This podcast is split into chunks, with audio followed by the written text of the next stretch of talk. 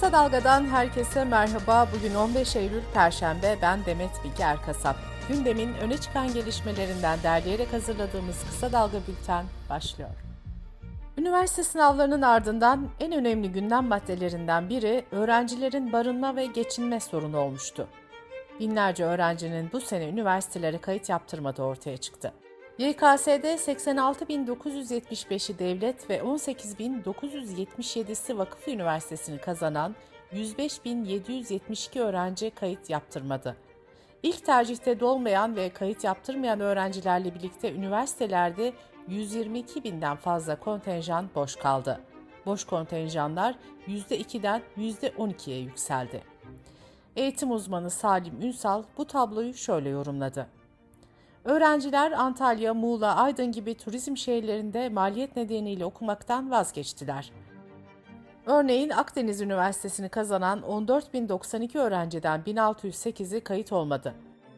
Bunun yanı sıra yazılım, yapay zeka mühendisliği, tıp, hukuk, öğretmenlik gibi bölümlerde boş kaldı.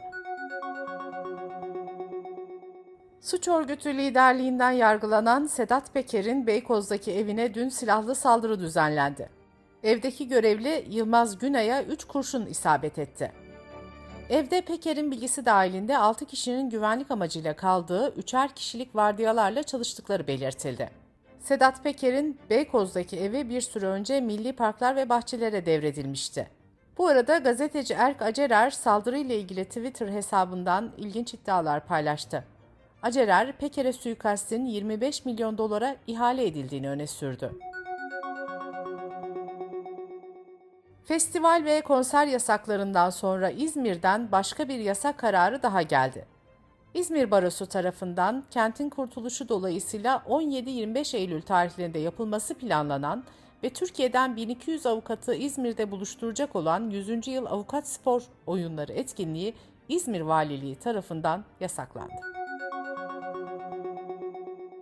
Yıl boyunca devam eden konser ve festival yasakları ile ilgili Kültür ve Turizm Bakanı Mehmet Nuri Ersoy'dan da açıklama geldi.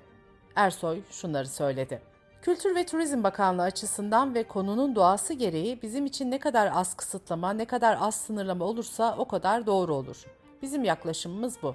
Hatta mümkünse hiç kısıtlama, hiçbir sınırlama olmasın. İşimiz kültür, sanat ve turizm. CHP Genel Başkan Yardımcısı Muharrem Erkek, Adalet Bakanlığı'nın 2021 yılı adalet istatistikleri raporu ile ilgili değerlendirmede bulundu. Muharrem Erkek şu bilgileri paylaştı. 2021'de 305 çocuğa Cumhurbaşkanı hakaretten dava açılmış. 22 çocuk ise mahkumiyet kararıyla karşı karşıya bırakılmış. Sanatçı Tarkan'ın İzmir'deki konserden aldığı ücret üzerinden tartışma başlatılmıştı.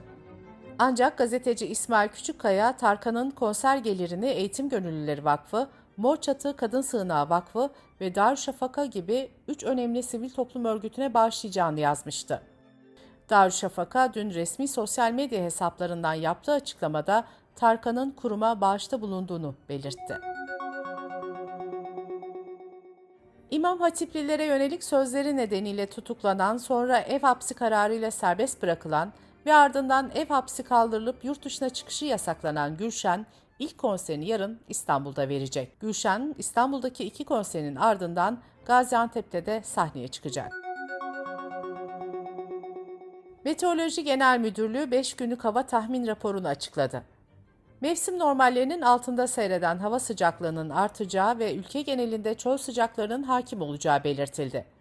İstanbul ve Ankara'da hissedilen sıcaklıkların 35 dereceleri bulması bekleniyor.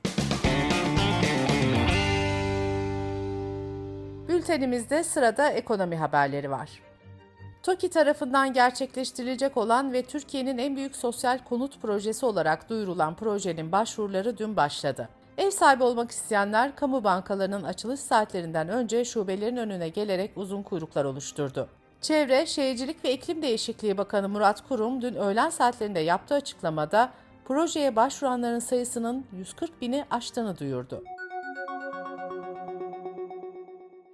İnşaat Sen, Kaya İnşaat İşçileri Koordinasyonu, Kaya İnşaat'ın Cezayir'deki inşaatlarında çalıştıkları halde maaşlarını alamayan 500 işçinin hukuk mücadelesini kazandığını ve tüm haklarını alacaklarını açıkladı. Ticaret Bakanlığı'nın mesafeli sözleşmelerle ilgili yönetmelikte değişiklik yapılmasını içeren yönetmeliği resmi gazetede yayınlandı. Buna göre tüketicilerin cayma hakkını kullanımında malın iade süresi 10 günden 14 güne çıkarıldı. Değişiklik 1 Ocak 2024'te yürürlüğe girecek. Ticaret Bakanlığı ikinci el araç satışına 6 ay ve 6 bin kilometre şartı getiren düzenlemede otogalerilerine tanınan muafiyetin bugün itibariyle sona ereceği uyarısında bulundu. Dış politika ve dünyadan gelişmelerle kısa dalga bültene devam ediyoruz.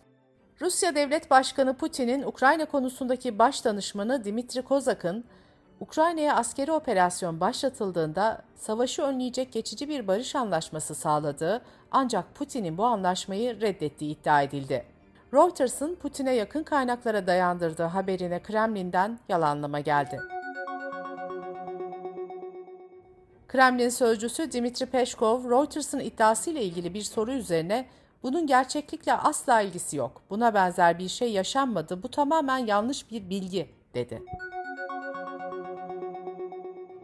Rusya'nın Ukrayna işgali sonrası meydana gelen şüpheli ölümlere bir yenisi daha eklendi. CNN'in aktardığına göre Rus iş adamı Ivan Pechorin ölü bulundu. Pechorin'in başında bulunduğu şirket, Rusya'nın Ukrayna'ya başlattığı operasyona karşı çıkmış ve çatışmanın sona ermesi için çağrıda bulunmuştu. Ivan Pechorin, Ocak ayının sonundan bu yana şüpheli şekilde öldüğü açıklanan 9. Rus iş insanı oldu.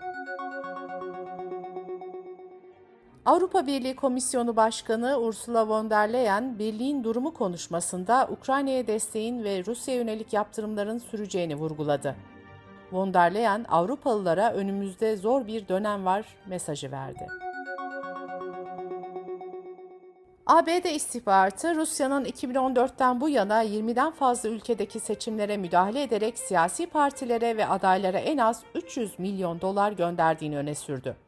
Euronews Türkçe'nin aktardığı habere göre üst düzey bir ABD'li yetkili bunların minimum tahminler olduğunu ve Rusya'nın muhtemelen gizlice tespit edilmeyen daha fazla fon aktardığını savundu. 2021 yılında sınır anlaşmazlıkları nedeniyle savaşın eşiğine gelen Kırgızistan ve Tacikistan arasında gerilim yeniden yükseldi. Kırgız ve Tacik sınır muhafızları arasında çatışma çıktı. Topraklarında Rus askeri üsleri barındıran ve Moskova'nın müttefiki konumundaki iki ülke arasında sınır anlaşmazlığı nedeniyle sık sık gerilim yaşanıyor. Ocak ayında da sınır muhafızları arasında kısa süreli çatışma yaşanmıştı.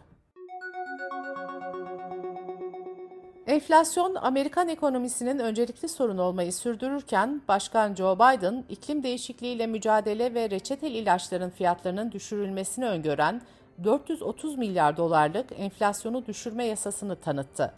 Biden törende şöyle dedi.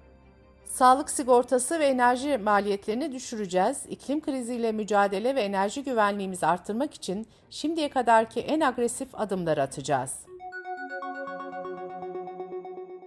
İngiltere'de Ulusal İstatistik Ofisi'nin yaptığı açıklamaya göre enflasyon Ağustos ayında bir önceki aya kıyasla %10.1'den %9.9'a geriledi.